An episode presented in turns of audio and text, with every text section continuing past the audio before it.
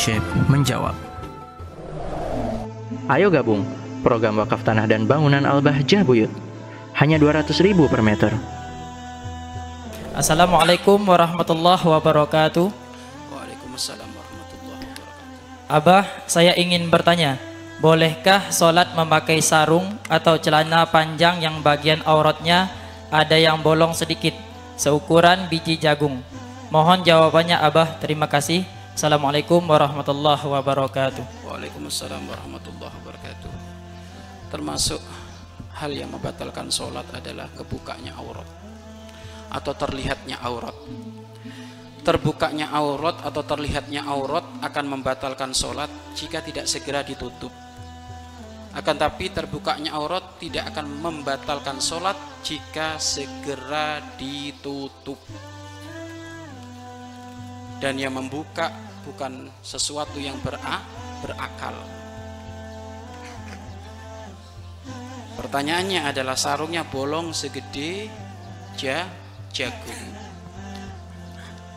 Bolong yang nampaknya aurat itu maka kembalikan kepada lumrahnya orang.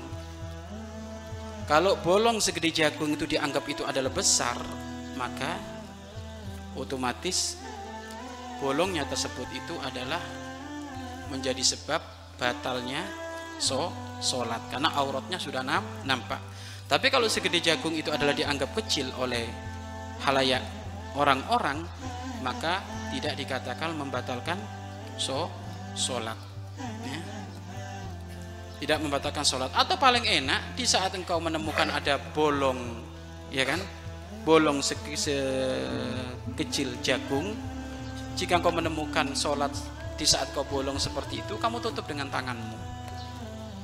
Ya, kamu tutup dengan tangan tanganmu. Atau kalau enggak ya kalau memang ternyata bajumu agak panjang ya tutup dengan baju bajumu.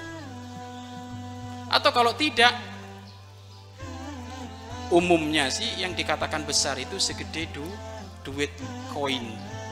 Nah kalau segede duit koin itu itu adalah besar maka itu termasuk adalah menjadi sebab batalnya so sholat. Tapi kalau kecil sebiji jagung ya sebiji jagung ambil saja pendapatnya.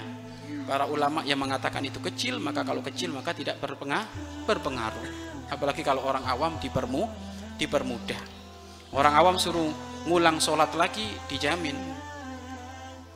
Ya kan gitu. Nggak bakal mau sholat. Namanya orang awam. Jadi orang awam gini loh nak. Selama masih ada solusi dengan pendapatnya para ulama maka katakan itu adalah sah kecuali kalau san santri.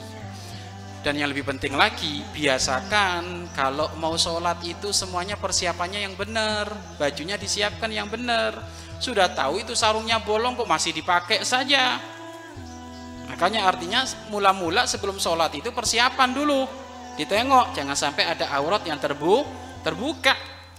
Karena itu semuanya nanti akan menjadikan sebab batal sholat sholatnya. Maka ikutin saja yang mengatakan bahwasanya bolong sekecil jagung itu adalah dikatakan kecil maka tidak apa-apa sholatnya alias sah. Ikut saja kepada kebanyakan orang mengatakan bahwasanya yang besar dikatakan lubangnya dalam urusan aurat itu adalah segede koin duit koin itu ya. Wallahu a'lam bissawab. Mari berinfak untuk operasional lembaga pengembangan dakwah Bahjah Buyut.